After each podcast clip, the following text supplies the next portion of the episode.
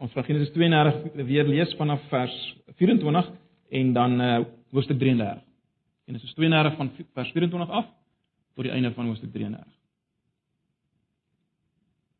So ons het al verlede week gekyk na hierdie gedeelte, maar uh, ons gaan hom 'n bietjie uit 'n ander hoek met die fokus nou uiteindelik die uitloop van alles in vers uh, in hoofstuk 33. So kom ons uh, kom ons bid net saam voor ons na die woord gaan.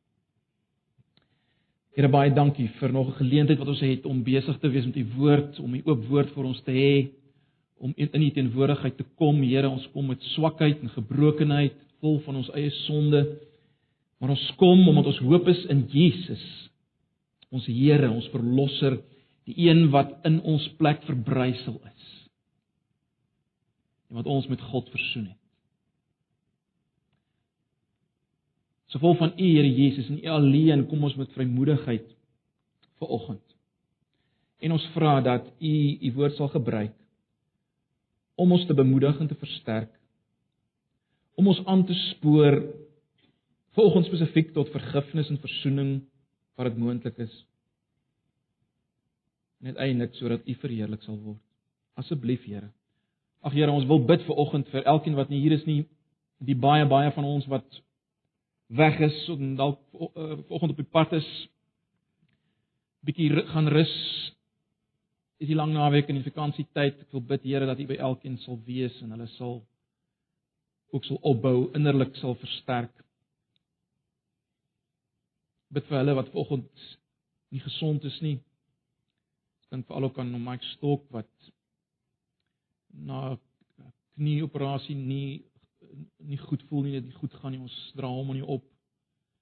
En elkeen hier wat sukkelend worstel met iets. Ag Here, wil U ook vir oggend vertroosting bring en genesing bring, asseblief. Ons vra dit in die naam bo alle name, Jesus ons Here. Amen. Goed, Genesis 32, kom ons lees vanaf vers 24.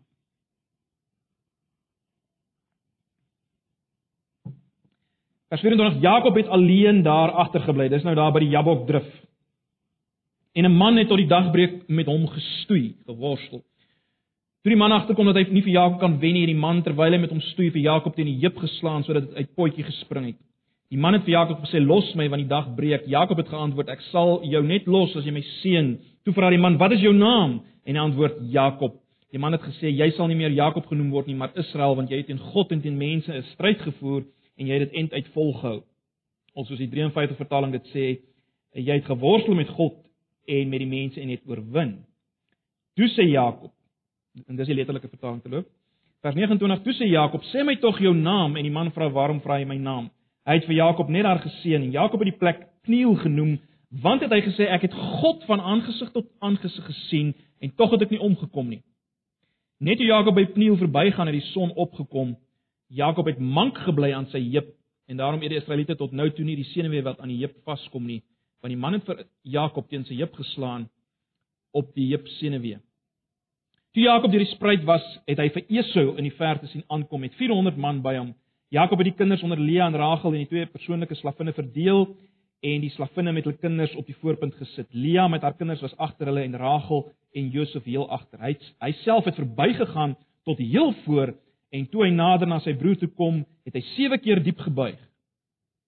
Esau het hom tegemoet gehardloop en hom omhels. Esau het sy arms om Jakob se nek gesit en hom gesoen en hulle het gehuil. Esau het opgekyk en die vrouens en die kinders gesien en toe sê hy: "Wie is al hierdie mense by jou?" Jakob het geantwoord: "Dit is die kinders wat God in sy liefde aan my gegee het." Die persoonlike slavinne het met hulle kinders nader gekom en gebuig en toe het ook Lea met haar kinders nader gekom en gebuig. Josef en Rachel was heel agter en ook hulle het nader gekom en gebuig. Toe vra Esau: "En wat is jou bedoeling met al daai goed wat ek gekry het?" En Jakob antwoord: "Dit is om u vriendskap te wen." Maar Esau sê vir hom: "Broer, ek besit self baie wat joune is, moet joune bly." Toe sê Jakob: "Nee, as u my goedgesind is, moet u my geskenk aanvaar. Ek het na u toe gekom om u goedgesindheid te wen." net soos wanneer 'n mens in die teenwoordigheid van God verskyn. En u het my vriendelik ontvang. Aanvaar tog my geskenk wat u uh, wat vir u gebring is, want God was goed vir my en ek het oorgenoeg. Jakob het by Esau daarop aangedring en toe aanvaar hy die geskenk. Hy het vir Jakob gesê: "Breek kamp op dat ons verder kan trek. Ek sal vooruit trek om jou te beskerm." Maar Jakob het geantwoord: "U sien tog self, die ou kindertjies is maar klein en die lammetjies en die kalwers by my is nog swak. As 'n mens hulle net eendag te hard aandryf, is die hele klomp dood. Trek u maar vo uh, vooruit voor my en dan kom ek op my gemak agterna. Ek sal volgens die pas van die vee en van die kinders na u toe kom en seer." Toe sê Esau: "Dan los ek 'n paar van my manne by jou." Maar Jakob vra: "Waarom wil jy dit doen? U is my tog goedgesind." Esau is daardie dag nog terug op sy pad seer toe. Jakob het gaan tent opslaan by Sikot en daar het hy vir hom 'n huis gebou. Hy het ook takkralle vir sy vee gemaak en daarom word die plek Sikot genoem. Nadat Jakob uit Paran Aram weg is, het hy veilig by Sichem en in Kanaan aangekom. Hy het net by die stad kamp opgeslaan. Toe koop hy 'n stuk grond waar sy tent staan vir 100 geldstukke by die seuns van Gamor, die pa van Sichem. Jakob het daar 'n altaar gebou en dit genoem die God van Israel is God.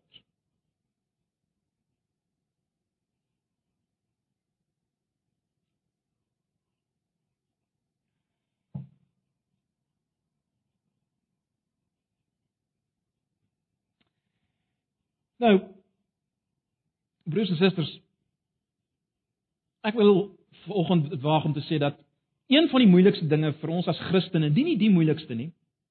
Daar's baie moeilike dinge soos gebed en so voort, ons het al daaroor gepraat, maar 'n baie moeilike ding. Indien nie een van die moeilikste nie is vergifnis en versoening onder ons as Christene, maar dan ook miskien nog moeiliker om te vergewe en te versoen met die wat nie Christen is. Kyk, uh dis baie lekker en en en betreklik maklik om saam met mekaar te leef in gesinne, in huwelike, in die gemeente en by die werksplek as alles goed gaan. En almal is in 'n goeie verhouding met mekaar en en alles loop net lekker, né? Nee, Speel glad. Maar wat daarvan as iemand onregverdiglik teenoor my oortree? my te nagekom. En dan moet vergewe word. En dan moet weer versoening kom. Jy sien Dis iets anders. Dis moeilik. En dis waar die tekkie die teer slaan eintlik wat ons Christendom betref. En ons kan nog verder teruggaan. Verder teruggaan, né? Ek meen, uh wat van my pa wat my altyd verneder het? My ma wat my suster altyd voorgetrek het. My broer wat my altyd verkleineer het. Dalk die persoon wat my as kind molesteer het.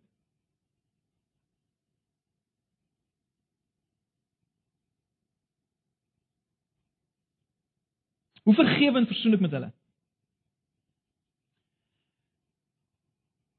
Ag, ek dink ek ek, ek dink julle sal my saamstem. 'n Mens het krag nodig hiervoor, is dit nie? 'n Mens het krag hiervoor nodig. Dis nie maklik nie. Uh hoekom het ons krag nodig? Want ons is vol vrees en benoudheid, né? Nee, ons net daaraan dink dat ons moet vergewe of dat ons moet versoen. Uh met sekere mense dan uh dan is ons bang. Ons met ander woorde ons het krag nodig hiervoor. Nou in Genesis 33, broers en susters. Uh in Genesis 33 vind ons versoening en vergifnis tussen Jakob en Esau. Daar's geen twyfel daaroor. Versoening tussen Jakob wat Esau bedrieg het en sy eersgeboorte reg gesteel het en Esau wat Jakob gehaat het en hom wou doodmaak. En is na 20 jaar, let wel, dis na 20 jaar. In Genesis 32 vers 7. Ons het nie dit nou gelees nie, maar dit is nou net nadat Jakob gehoor het Esau is op pad met 400 man. Uh lees ons Jakob het baie bang geword, angs het hom oorval. 32 vers 7. Jakob het baie bang geword, angs het hom oorval. Jy sien dit is iets geweldigs. En jy krag nodig daarvoor. Nou ek wil eers vanoggend begin met 'n vraag: Waar kom die krag vandaan vir vergifnis en verzoening soos hier beskryf word tussen Jakob en Esau. Waar kom dit vandaan? En ek dink is dis insiggewend dat dat hierdie gedeelte oor Jakob en Esau kom na die gedeelte van Jakob se ontmoeting by Pniel. Ek dink dit is belangrik om dit raak te sien. Dis ook insiggewend dat uiteindelik in hoofstuk 35 uh kom Jakob weer by Bethel, né, nee, die plek waar God allerlei beloftes aan hom gemaak het. hom gesê dat hy 'n seun gaan wees, al die beloftes wat hy eintlik aan Abraham ook gemaak het. Uh in Hoofstuk 35 kom Jakob weer by Bethel. Dit lyk vir my die skrywer uh, die skrywer wil vir ons beklemtoon dat voor God as te ware vir Jakob en sy nageslag kan doen wat hy beloof het aan Abraham, voordat dit gebeur, voordat hulle 'n seën kon wees vir die nasies, moes daar iets gebeur. Daar moes iets gebeur voordat hulle 'n seën kon wees vir die nasies. Belofte aan Abraham kon waar word. God moes Jakob se identiteit verander. God moes as te ware sy karakter transformeer sodat daar eers tussen hom en sy broer herstel kon kom. En as daar herstel en seëning tussen hom en sy broer kon kom, dan kon God hulle begin gebruik om seën te bring vir die wêreld. Ek dink dis wat die skrywer wil hê ons moet raak sien. Terloops, ons sien dit ook weer in die Josef verhaal, né? Ons sien dit weer in die Josef verhaal. daar eers moes versoening en herstel kom daar in die verbondsfamilie voordat God hulle verder kon gebruik. Nou ons het verlede Sondag gekyk na dit wat gebeur het hier by Pniel. Ek gaan nie alles herhaal nie, maar kom ons verfris ons geheue want dit is uiters belangrik vir vanoggend. Ons het gesien ons het gesien God self het met Jakob geworstel. Laat geen twyfel omtrent dit. God self in menslike vorm het met Jakob geworstel. En daarom was daar nie sprake van 'n gelyke fisiese stryd nie. Uiteindelik sien ons dat God tik Jakob op sy heup, slaan hom op sy heup en uh, dan gryp Jakob God vas en hy pleit dat hy hom sal seën.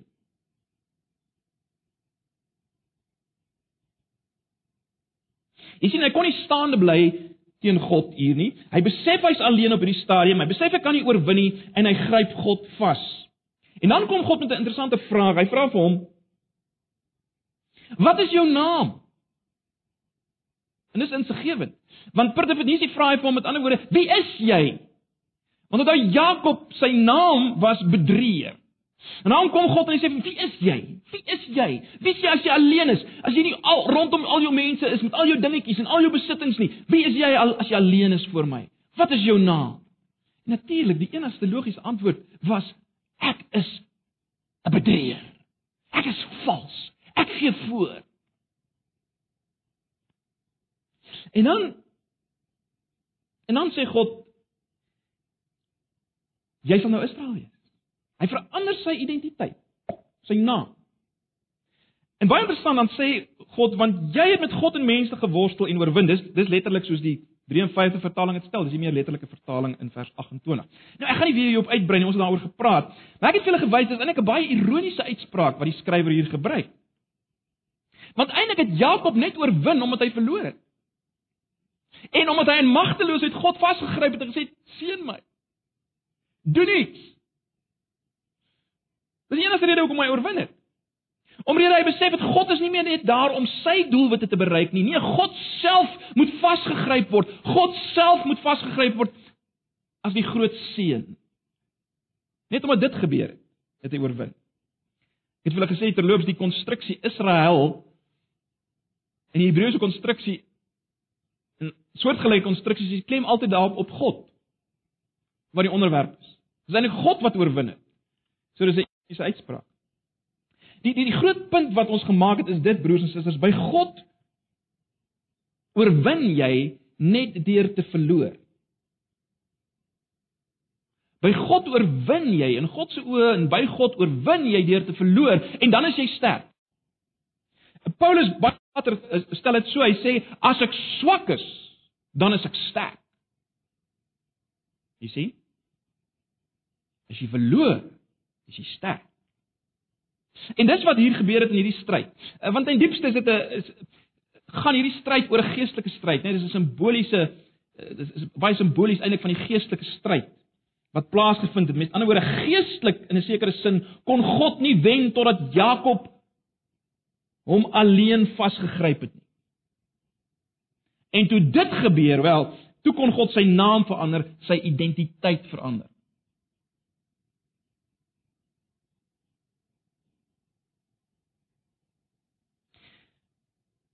Terloops, broers en susters, as daaraan dink, God se manier van wen, dit is hoe God werk, nê? Nee, God se manier van wen is eintlik om te verloor.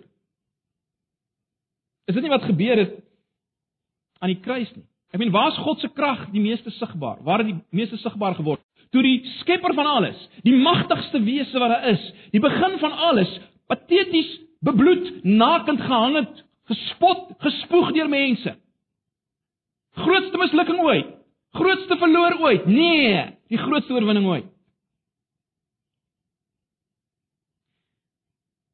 Wat na absolute swakheid daar gelyk het, was ontsaglike krag, die krag wat sonde oorwin het, die krag wat dood oorwin het, die krag wat sonde wat Satan oorwin het. Dis wat daar gebeur. God die swakste was. Dink net weer oor Jakob. Vir die res van sy lewe sou hierdie aardsvader waarskynlik bietjie met 'n kierie loop.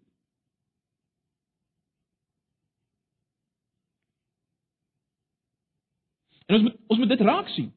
Die simboliek hiervan, God wond Jakob om dit so te stel, om hom te genees, om hom sterk te maak. Ek het verlede Sondag gesê as jy vir Jakob sou vra waarom hink 'n punt? Waarom sukkel jy so om te loop? Wel God het my geseën. God wond Jakob om hom sterk te maak. Jy sien, dis die wonde van God, broers en susters in ons lewe. Die wonde wat God ons gee, ons het daaroor gepraat. Dis die wonde wat God ons gee wat ons hart genees of anders gestel wat ons sterk maak. Toe Jakob uiteindelik weer by by Bethel kom, die plek waar God aanvanklik die beloftes aan hom gemaak het. Toe Jakob daar kom, toe strool hy nie daarin so Sylvester Stallone nie, né? Nee. Toe kom hy soos soos Moses gekom het na 40 jaar in die woestyn as jy dit so wil stel. Soos soos Josef na die put in die tronk soos Jesus aan die kruis, soos Paulus uh blind in Damaskus. Dis wat ons sien in die Bybel. Jy sien die die gebrokenis is die geseëndes en die gebrokenis is die mense wie deur wie God werk. Niemand stap neus in die wind in die koninkryk van God in nie. En niemand word neus in die wind in die koninkryk van God gebruik nie. Niemand kan aan die saligsprekinge voldoen en dit uitleef As jy nie begin by die eerste een, salig is die wat weet hoe afhanklik hulle van God is. Salig is die wat arm van gees is, wat gesien het wie is hulle self voor God. Net dan kan die res van die saligsprekinge sigbaar word in jou lewe. Ons moet onthou tot op hierdie stadium met Jakob het almal baklei in sy lewe. Hy het al baklei met sy broer en sy moeder se skoot, toe nog gebore was.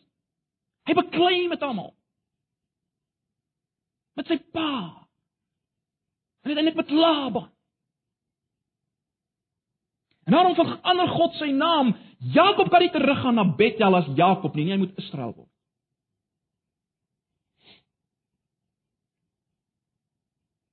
Jakob kan nie 'n groot nasie word en 'n seën vir die nasies nie. Israel kan. Net Israel kan 'n seën wees vir God se gebroke wêreld. Dis die hele punt, né? Nee. Maar nou baie belangrik vir vanoggend se doeleindes. Baie belangrik. Kom ek stel dit so, die die swak Jakob die swak Jakob is nou sterk genoeg om vir Esau te ontmoet. Alraai? Die swak Jakob is nou sterk genoeg om vir Esau te ontmoet. Die swak Jakob is nou sterk genoeg vir vergifnis. Om te kan vergewe.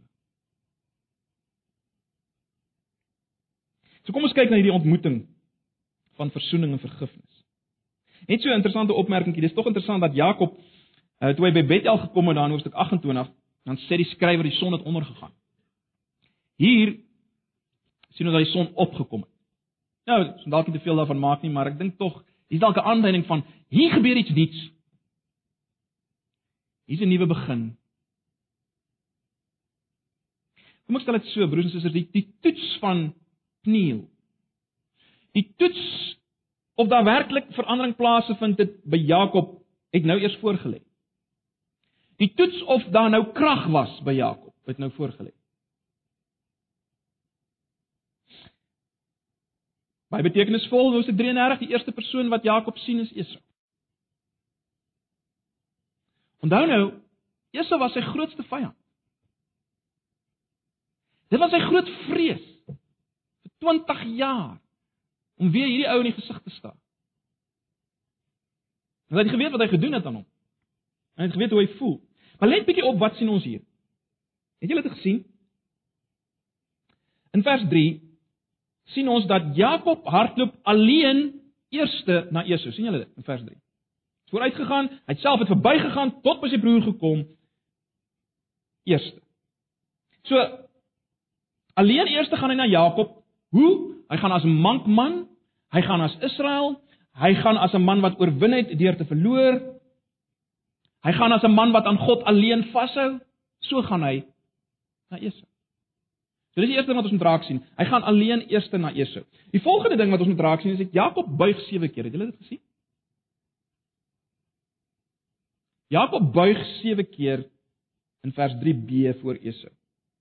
Dink 'n bietjie daaraan broers en susters. Dis die man wat voor niemand gebuig het nie. Ek meen hy het alles gebuig vir sy eie doelwitte, ja. Maar hy het voor niemand gebuig. Hy het alles gebuig vir sy doelwit, maar hy het self het nie gebuig. maar hier's nog iets meer interessant. Bly bietjie terug na hoofstuk 27. As ek reg is. Ehm um, Hoofstuk 27 vers 29. Kyk ons net vinnig na na Isak.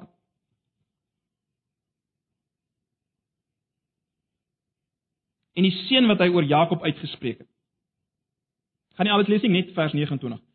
Volke sal jou dien, nasies sal voor jou buig, oor jou familie sal jy heers, jou broers sal voor jou buig. Wie vervloeking oor jou uitspreek, sal self vervloek wees, wie jou seun sal geseën wees. Maar baie belangrik, jou broers sal voor jou buig. Dis wat Isak vir Jakob sê. As 'n seun oor Jakob. Maar onthou nou, wie se seun was dit eintlik? Dis Esau se seun. Jakob het daai seun by Esau gesteel, hoor. Was nie syne nie. Hy het gesteel by Esau. So wat gebeur hier broers en susters? Ten diepste is hier 'n moment van restituisie. Jakob kom gee terug as te ware vir Esau wat aan hom behoort, as hy voor Esau buig. Want jy sien, dit was Esau se seun wat hy gesteel het. So ek dink ons moet raak sien. As Jakob hier buig, doen hy restituisie. Hy gee as te ware terug dit wat aan Esau behoort as hy voor sy broer buig. En baie interessant, as hy dit doen, dan gebeur daar iets ongelooflik, né? Nee. Esau kom na hom toe gehardloop. Esau omhels hom en soen hom. Nou ag, ehm um, dit was dit was iets ongekends in hierdie kultuur, hoor. Mans het dit eintlik nie gedoen nie. Behalwe in oomblikke van geweldige emosionele belewing. Uh, dis hoekom die die hele verhaal van die die verlore seun en die pa wat hardloop na sy seun uh dis geweldig. Dis ongeken. 'n Joodse man het dit net nie gedoen nie.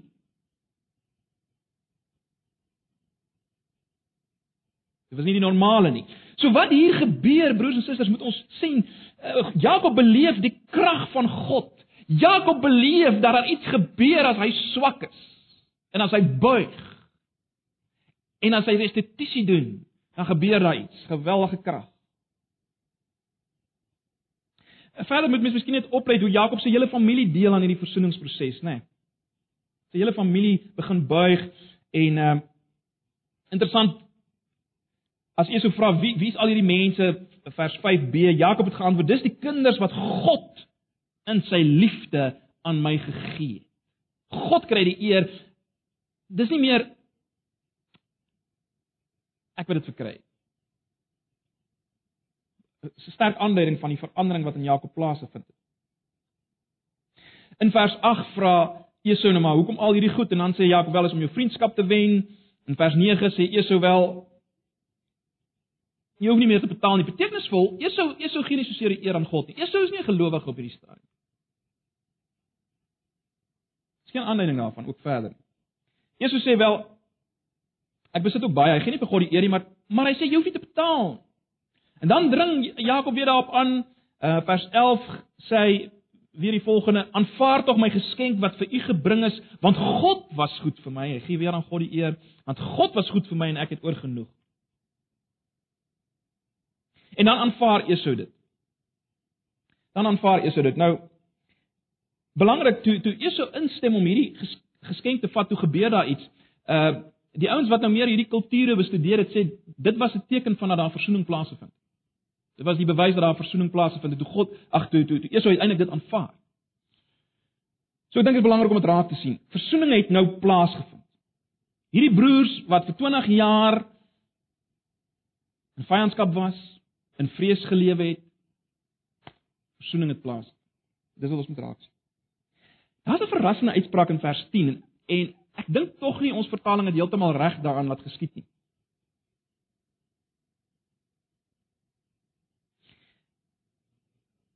Gaan vir julle die NIV lees. Ek dink ek dink dit dis die naaste aan aan aan hoe dit regtig in die Hebreëus voorkom. Kyk na vers 10. Now please said Jacob, if I have found favor in your eyes, accept this gift from me, for to see your face is like seeing the face of God. For to see your face is like seeing the face of God. Mense is amper half geskok oor die uitspraak, né? Maar broers en susters, dis nie wonderwerk van transformasie, is dit nie? Wanneer jy in die vyand van jou gesig, uh, uh, of laat ek so stel, wanneer jy in die gesig van jou vyand kan kyk en jy sien die gesig van God, dan weet jy dat transformasie plaasvind. Hoor julle dit? As jy in die gesig van jou vyand kan kyk en kan sê jy het in die gesig van God gekyk, dan het transformasie plaasgevind. Dan daar iets gebeur. Wat nie menslik verklaar kan word. Dan daar iets geweldig gebeur. En ek dink die skrywer wil hê ons moet dit raak sien. Hy wil hy wil hê ons moet sien ja, Jakob het verander, maar God het ook aan die ander kant van die lyn so gewerk dat Esau se optrede teenoor Jakob was soos God se optrede van seëning teenoor Jakob. Soos soos God teenoor Jakob as te ware by Pniel opgetree het, so het Esau nou opgetree onder die krag van God. Om dit anders te stel, Jakob kon dit net so beleef het omdat hy verander het. Omdat hy getransformeer is, kon hy as te ware die gesig van God sien in die gesig van ja, in die gesig van Esau. Hy kon die gesig van God sien in die gesig van Esau omdat hy getransformeer is, omdat hy verander het.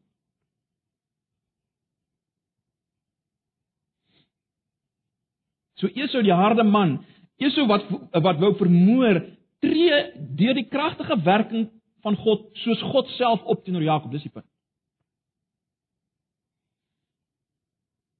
Terloops as mens gaan kyk na Esau se optrede, dit laat mens nogal baie dink aan die ehm um, aan die vader in die in die gelykenis van die verlore seun, hoor. Dit is nogal interessant as mens nou hieroor genade. Belangrik is dan hierdie veranderde Jakob wat uiteindelik weer teruggaan in Genesis 35 by Bethel kom en dan sê God vir hom: Ek is God die Almagtige, wees vrugbaar en word 'n groot nasie. Dis Genesis 35 vers 11. Baie nasies van jou sal van jou afstam. Jy sal die voorvader wees van konings en so meer. Jakob het verander. Hy's getransformeer. Alleen voor God gaan staan. En hy nou vergewe en dat verzoening plaasvind en nou kon God vir Jakob as die as die vader van die volk wat gaan kom gebruik. So dis wat hier gebeur het. Kom ons staan net terug en ons ons ons dink bietjie oor 'n paar dinge wat ons moet raak sien hier. Wat moet ons leer uit Jakob en Esau se vergifnis en verzoening? Wat wil die Here vir ons leer daardie? Ek dink die eerste ding waaraan dit wat hier gebeur ons moet herinner is dit. Ons moet onsself afvra hoe het God se aanvanklike geseënde skepping gelyk? Ons moet altyd so intoe teruggaan. En dis waar hierdie gedeelte ons herinner. Hoe het dit aanvanklik gelyk in God se skepping? Wel ons weet, daar was 'n volmaakte harmonie verhouding tussen God en mens, maar luister mooi, ook tussen mens en mens. Nie net tussen God en mens nie, maar tussen mens en mens. en ons weet wat gebeur het met die sondeval. Ons weet die verwydering wat plaasgevind het, né? Nee. Bang vir God kruip weg vir God. Soos baie mense wegkruip vir, vir, vir God. Dalk is jy vanoggend iemand wat nog steeds probeer wegkruip vir God. Jy kan nie. Maar goed. Dis wat gebeur het met die sondeval. Dis wat sonde gedoen het. Maar let op. Daar het ook verwydering tussen mens en mens gekom. Dink aan Adam en Eva. Verwydering wat gekom het. Mekaar beskuldig. Skaam vir mekaar en so meer. Ons ons ken dit. En broers en susters, hierdie hierdie verwydering en hierdie agterdog en al hierdie dinge, let wel, dit, ons het dit al mekaar uitgelig. Hierdie goed het ook geloop binne die verbondslyn. binne die verbondslyne dit geloof. In God se uitverkorenes. Was dit baie sigbaar. Al hierdie verwydering. So, die eerste ding wat hierdie gedeelte van Jakob en Esau ons moet aan laat terugdink is, okay, maar hoe het dit aanvanklik gelyk? En dan die tweede vraag wat daar uit voortvloei, wel, waarna toe is God met ander woorde op pad in sy skepping? Wel, dis baie logies en baie eenvoudig en ons het al baie daaroor gepraat, maar die punt is God wil ja in die eerste plek hê dat moet herstel tussen hom en sy mense kom. Maar broers en susters, net so belangrik. Net so belangrik. Wil hy moet dan moet herstel kom tussen mens en mens. En liewe aarde, hoeveel te meer binne sy mense op aarde. wat nou die kerk van Jesus Christus is. Ons moet dit nooit vergeet nie. Dis waarna toe God op pad is. Ons mag nooit vrede daarmee maak dat ek het 'n lekker verhouding met die Here, maar ek is totaal in vyandskap met my broer of suster of die ou by die werk. Broers en susters, dit nie so nie. Dis nie wat God wil nie. Dis nie die heelheid wat hy wil nie.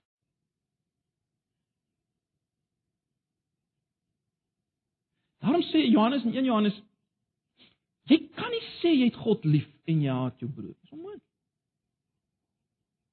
Hy sê hy sê dit werk nie nie.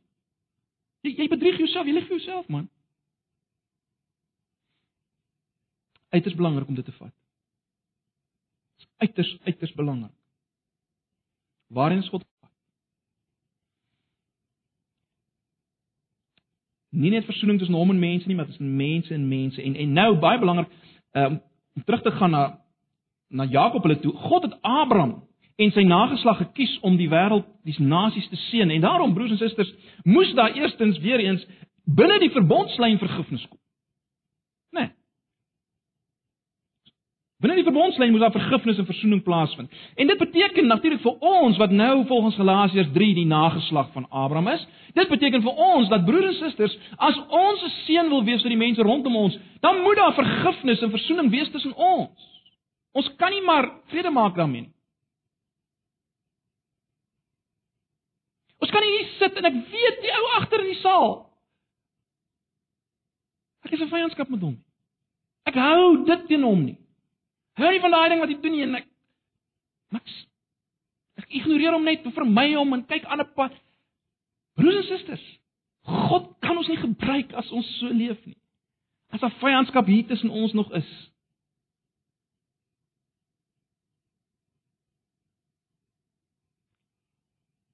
Ag, mag die Here ons genade gee om om te praat as daar so iets is, want ons is nie altyd bewus nê nee, dat daar uh, hierdie ou skwaad vir my en daai ou kan my nie vergewe nie. Ons weet dit daai keer is my liewe aard, dan moet jy sê vir die ou man, hoorie, ek het hierdie ding teen jou, maar moenie aangaan nie. God haat dit. Hy het nie behaag daarin dat ons hom hier aanbid in ons vyandskap. Dit mag nooit nie. Mag die Here gee dat dit nie so, so sal wees ooit nie. So dis belangrik. 'n Derde ding wat hierdie gedeelte ons leer as ek dit so kan stel. Dit gee vir ons hoop vir verzoening. Hoekom stel ek dit so? Ons weet wat vir vergifnis is een persoon nodig, né? Nee, een persoon kan vergewe. Jy kan vergewe. Maar vir vir, vir verzoening tussen mense is twee partye nodig. En en uh, ons moet baie realisties wees met mekaar. Verzoening is daarom iets wat nie altyd gebeur nie. Al begeer jy dit, van jou kant af. En daar is daar vergifnis. Vind versoening nie altyd plaas. Ons moet maar ons, ons moet ons moet dit weet.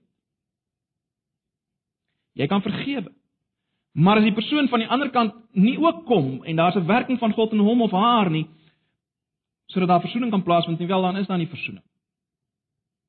Maar ek dink tog, broers en susters, dat dis iets wat hierdie gedeelte wil doen. Hierdie gedeelte wil vir ons hoop gee vir versoening. Want as Jakob en Esau vir 20 jaar of na 20 jaar kon versoen, dan is daar hoop. So al al wat ek wil sê is daar's hoop vir versoen. Daar's hoop vir versoen. Moet nooit hoop vir versoening verloor nie. Ek weet nie of julle die die verhaal van Corrie ten Boom ken nie. Uh Corrie ten Boom wat uh in die nasie konsentrasiekampe was.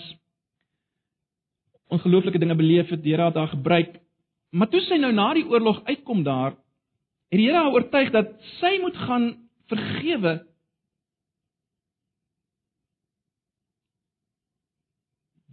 die nasie soldate wat hierdie goed teenoor haar gedoen het.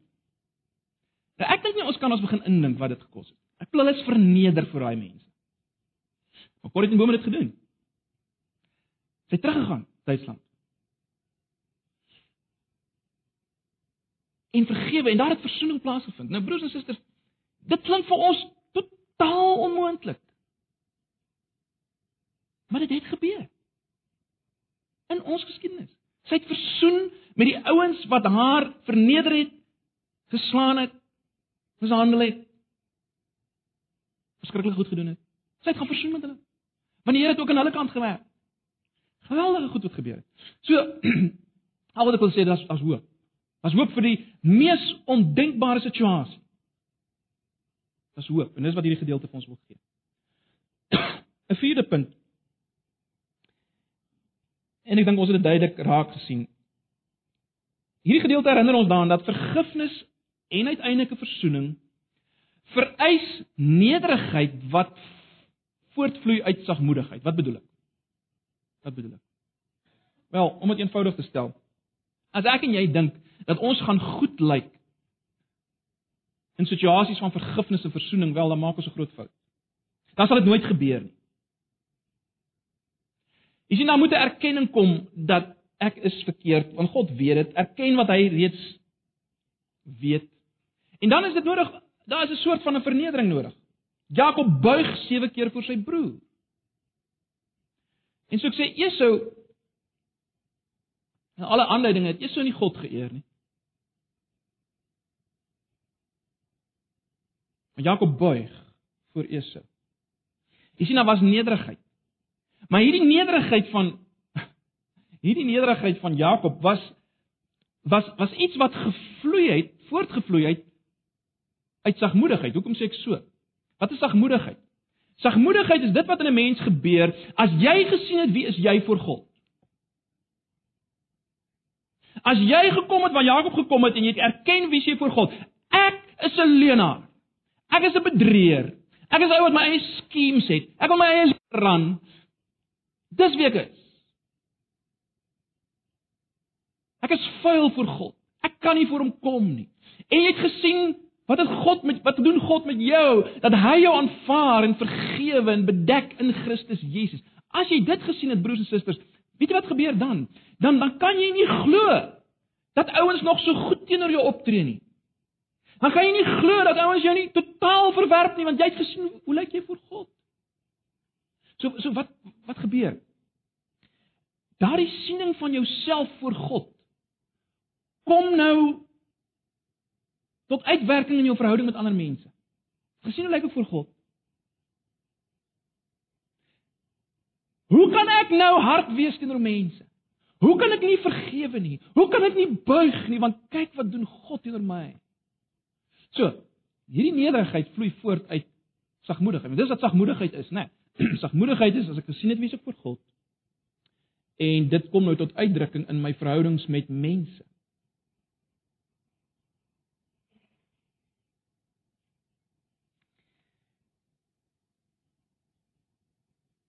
As jy nie oud sagmoedig is kan nederig wees.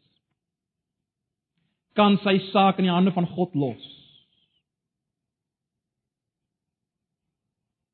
Want ek weet God is vir my. God sal vir my veg. Ek hoef nie vir myself te veg nie. So dan kan ek vergewe. Jakob se ontmoeting met God by Pniel het hom sagmoedig gemaak. En daarom kon hy nederig wees en daarom kon daar vergifnis wees. Daarom kon hy buig en vergewe. 'n Vyfde iets wat ons hier leer is dit baie eenvoudig. Vergifnis begin by my. So eenvoudig maar Maar broers en susters, ons het al hieroor gepraat. Ek weet ons het al gepraat. Hoekom vind vergifnis dikwels nie plaas onder ons nie? Vergifnis en uiteindelike verzoening. Hoekom vind dit nie plaas nie? Want ons maak dit 'n wet van wederkerigheid, né? Nee, ek het ons het al daaroor gepraat. Ek kyk of ek iets sien in die ander ou se oë of hy die eerste beweging gaan maak om te vergewe. Is daar enige 'n toespeling wat ek kan sien dat hy hy gaan hy gaan die eerste beweging maak, dan sal ek vergewe. Hoekom vergewe ek nie? Want ek is regverdig. Dis mos nou onregverdig as ek eers gaan vergewe want hy doen dan niks van sy kant af nie. So gou hom dop. En dis hoekom ons nooit vergewe nie en nooit eers te vergewe nie. En dis hoekom daar nooit versoening plaasvind nie want ek wag vir die ander ou. Want hy het meer verkeerd gedoen as ek. Dis oortuig daarvan. Wat sien ons hier? Vergifnis begin by my. Jakob het eers opgetree en die res was 'n wonderwerk. Kan ons nie die Here daarvoor vertrou nie?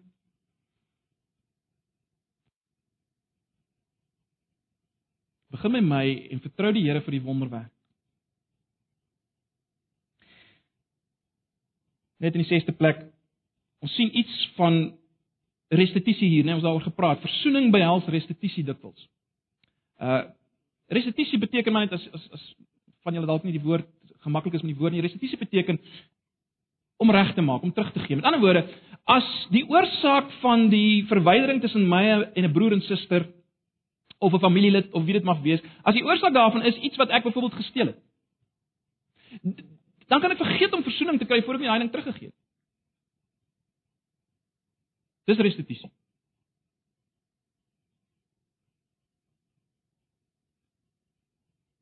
As ek iets gesteel het, by 'n winkel. Wat dit ook al mag wees. Gemaak reg as as dit die ander een benadeel het. Daar sekerre dinge wat mens nie restituisie oor kan doen nie. Want die ander ou is nie eens bewus daarvan nie en dit het hom nie benadeel nie. Dit moet voor God bely word. Maar broers en susters, daar sekerre dinge waar daar restituisie moet plaasvind voor daar verzoening kan plaasvind. En ek nou sien dit hierson, né? Ons sien dit hier in die gedeelte tussen Jakob en Esau. Dan iets wat mense ook hier raak sien, ek, ek wil nie te veel daarvan maak nie, ek het gewonder of mense of ek dit moet noem, maar dit lyk tog asof versoening dikwels gevolg moet word deur diploma, diplomatiese ooreenkomste. Nou wat probeer ek daardeur sê? Julle het gesien dat Esau en Jakob het uiteindelik nadat hulle versoen is nie by mekaar gaan bly in dieselfde huis nie. Dieselfde plek nie. Uh Hulle het seker ooreenkomste gepraat en redeneer en uiteindelik uitmekaar het beweeg, maar hulle is versoen. So wat ek maar net probeer sê is, ons moenie dink in terme van versoening dat ewe skielik as ek versoen het met iemand, dan is hierdie persoon noodwendig nou my beste vriend en die een saam saam met wie ek alles gaan doen en so meer. Dis dis nie wat dit behels.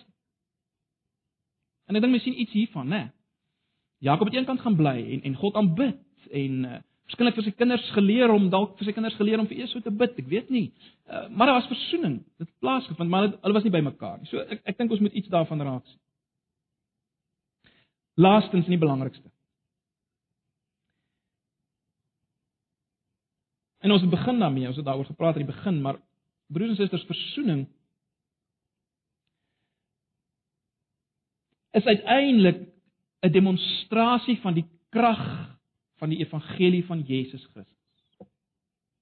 Dit is net so. Versoening is uiteindelik die demonstrasie van die krag van die evangelie van Jesus Christus. Een van die groot indien nie die grootste gebeurtenis in die Nuwe Testament is is die was die versoening wat plaasgevind het tussen Jood en Heiden as gevolg van wat Jesus gedoen het. Dit was geweldig. Dis op dieselfde vlak gesien as die versoening wat plaasgevind het tussen God en mens. Was die versoening tussen Jood en Heiden. Gaan lees maar Efesiërs 2. Ek wil nie daarop uitbrei nie. Luister net na 2 Korintiërs 5 vers 19. Baie belangrike vers.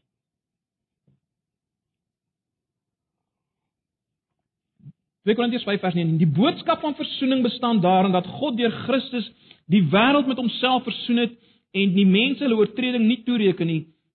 Die boodskap van versoening het hy aan ons toevertrou. Ons ken die evangelie, né? Nee, wat het God in Jesus gedoen? Wel, ten diepste het God ons vergewe en kon hy ons met homself versoen as gevolg van dit wat Jesus gedoen het. Omdat Jesus verbrysel is, tussen beide gekom het. God die God die seun. God self het hom met onsself versoen deur die oordeel van God op hom te neem. Met ander woorde, broers en susters, die versoening, die vergifnis en versoening van God se kant was nie maklik nie. Dit was ontsaglik. Ek het al vir julle gesê dit was eintlik totaal onnatuurlik. As mens mooi daaroor gaan dink, dan kan jy sê dit was onregverdig. En baie pynlik. Die versoening van God se kant af gekom het. Onnatuurlik, onregverdig, pynlik, dit was die versoening. Waar dit begin, dit begin met Jesus, God wat mens geword het in Jesus. Hy het alles prysgegee, né? Afstand gedoen aan dit waaraan hy kon vashou. Hy het mens geword. Mens kan amper sê hy het deurgegaan 'n verandering soos Jakob by Pniel deurgegaan het, maar baie meer en uiteindelik tot aan die kruis. Is hy verneder. Het hy homself verloor. Vir wie het hy dit gedoen? Vir wie het hy dit gedoen? Wel hy het dit gedoen vir mense wat baie erger as Esau is vir my en jou.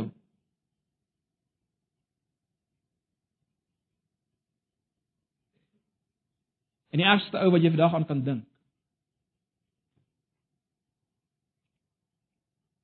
Die ou wat jou die meeste onregverdiglik behandel het, wel.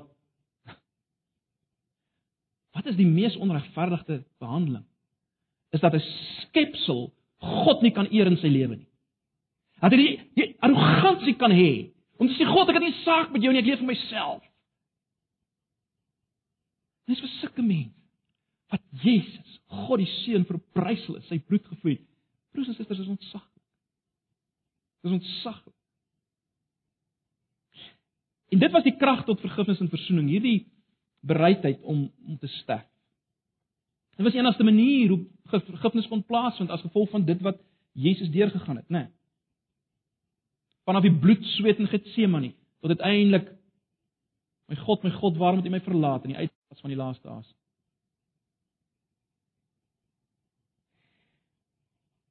So vergifnis het God ontsaglik baie gekos as jy dit so wil stel, né? Nee.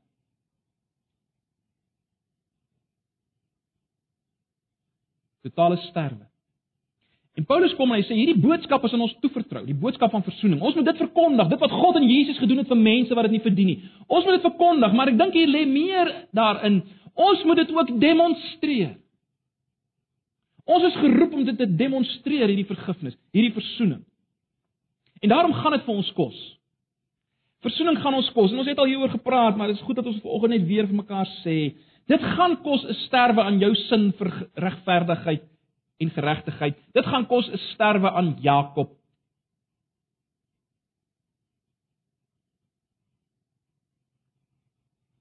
Maar dit gee ons die krag om te versoen, vergewe.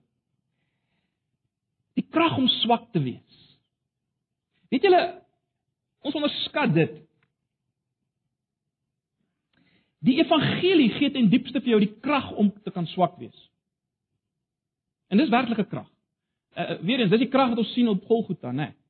Werklike krag is wanneer jy kan verdelg en vernietig soos God kon maar hy kies om te sterf. Dis werklike krag. Dis werklike sterk wees. En nou is dit interessant in die Nuwe Testament dat dit die krag is wat wat die evangelie vir ons gee. Ek, ek verwys net na twee gedeeltes. Filippense 3 vers 10.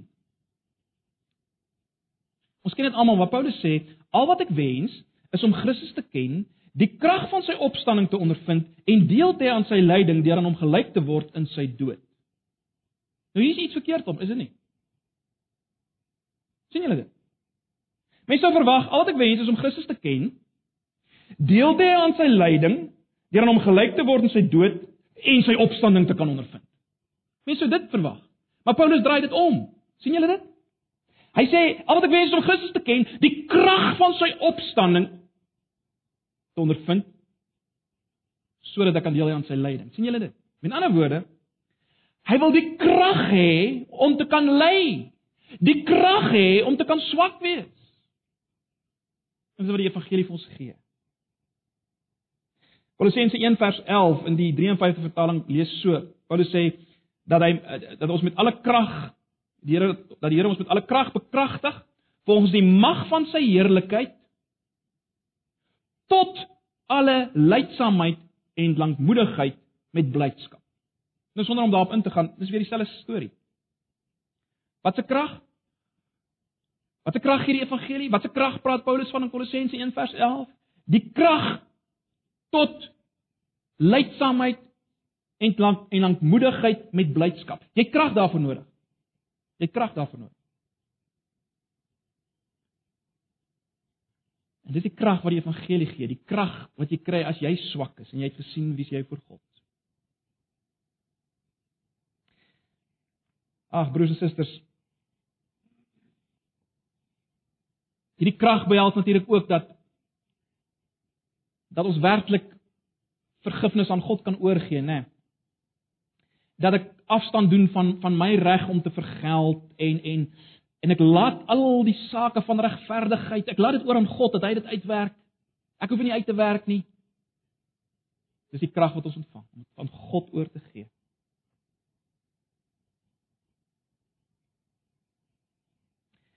Ek sluit af. Broers en susters, as ons begin om te vergewe, dis dis wanneer ons begin werklik begin om die krag van die evangelie te beleef. Dis die herstel van Eden soos dit moes wees En dan word die evangelie eers werklike werklikheid, né? Nee. Dis die toets in 'n groot mate van die evangelie.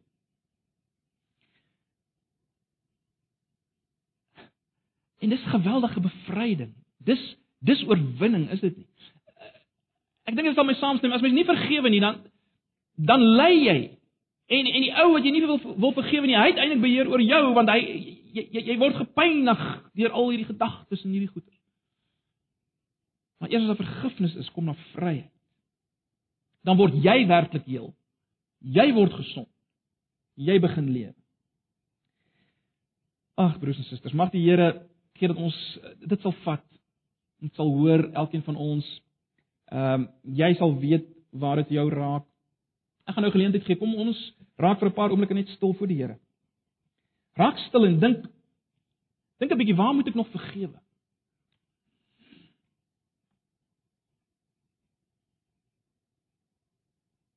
En as jy vanoggend sukkel, vra jouself, het ek al ooit voor God gaan staan alleen en erken wie ek is? En het ek al ooit werklik verstaan wat God met my gedoen het? Het ek al ooit werklik gesien hoe hy my vergewe? Hoe hy my hanteer? En laat dit vanoggend insink sodat jy in die lig daarvan kan optree teenoor die rondom jou. Sodat jy kan vergewe. Dalk moet jy vanoggend iemand vergewe uit jou kinderdae.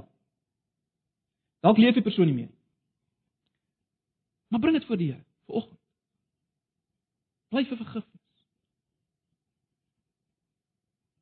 Spreek vry, laat gaan. Gee dit vir die Here.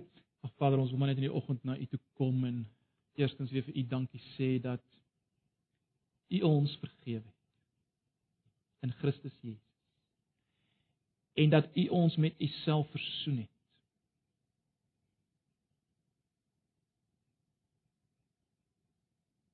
deur u self prys te gee vir ons.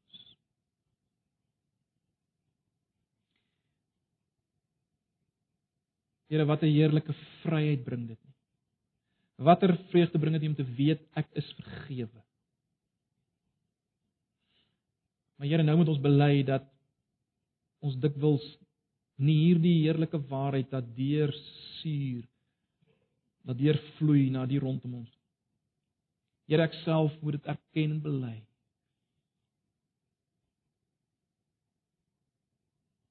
Dit wil koester ons juis in ons vertroetel vyandskap. Onvergewingsgesindheid wat ons bitter mense maak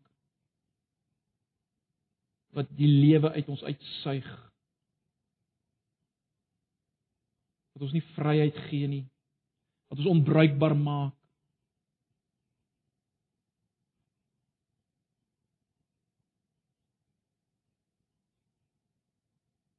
Ag Here vergewe ons en ek wil vra dat U met elkeen van ons ontmoet weer eens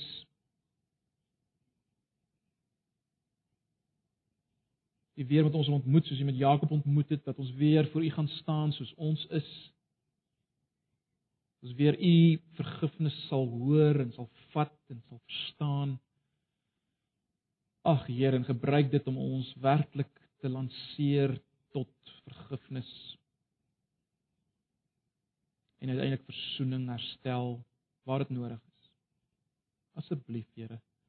Ons vra dit van U in Jesus se naam. Amen.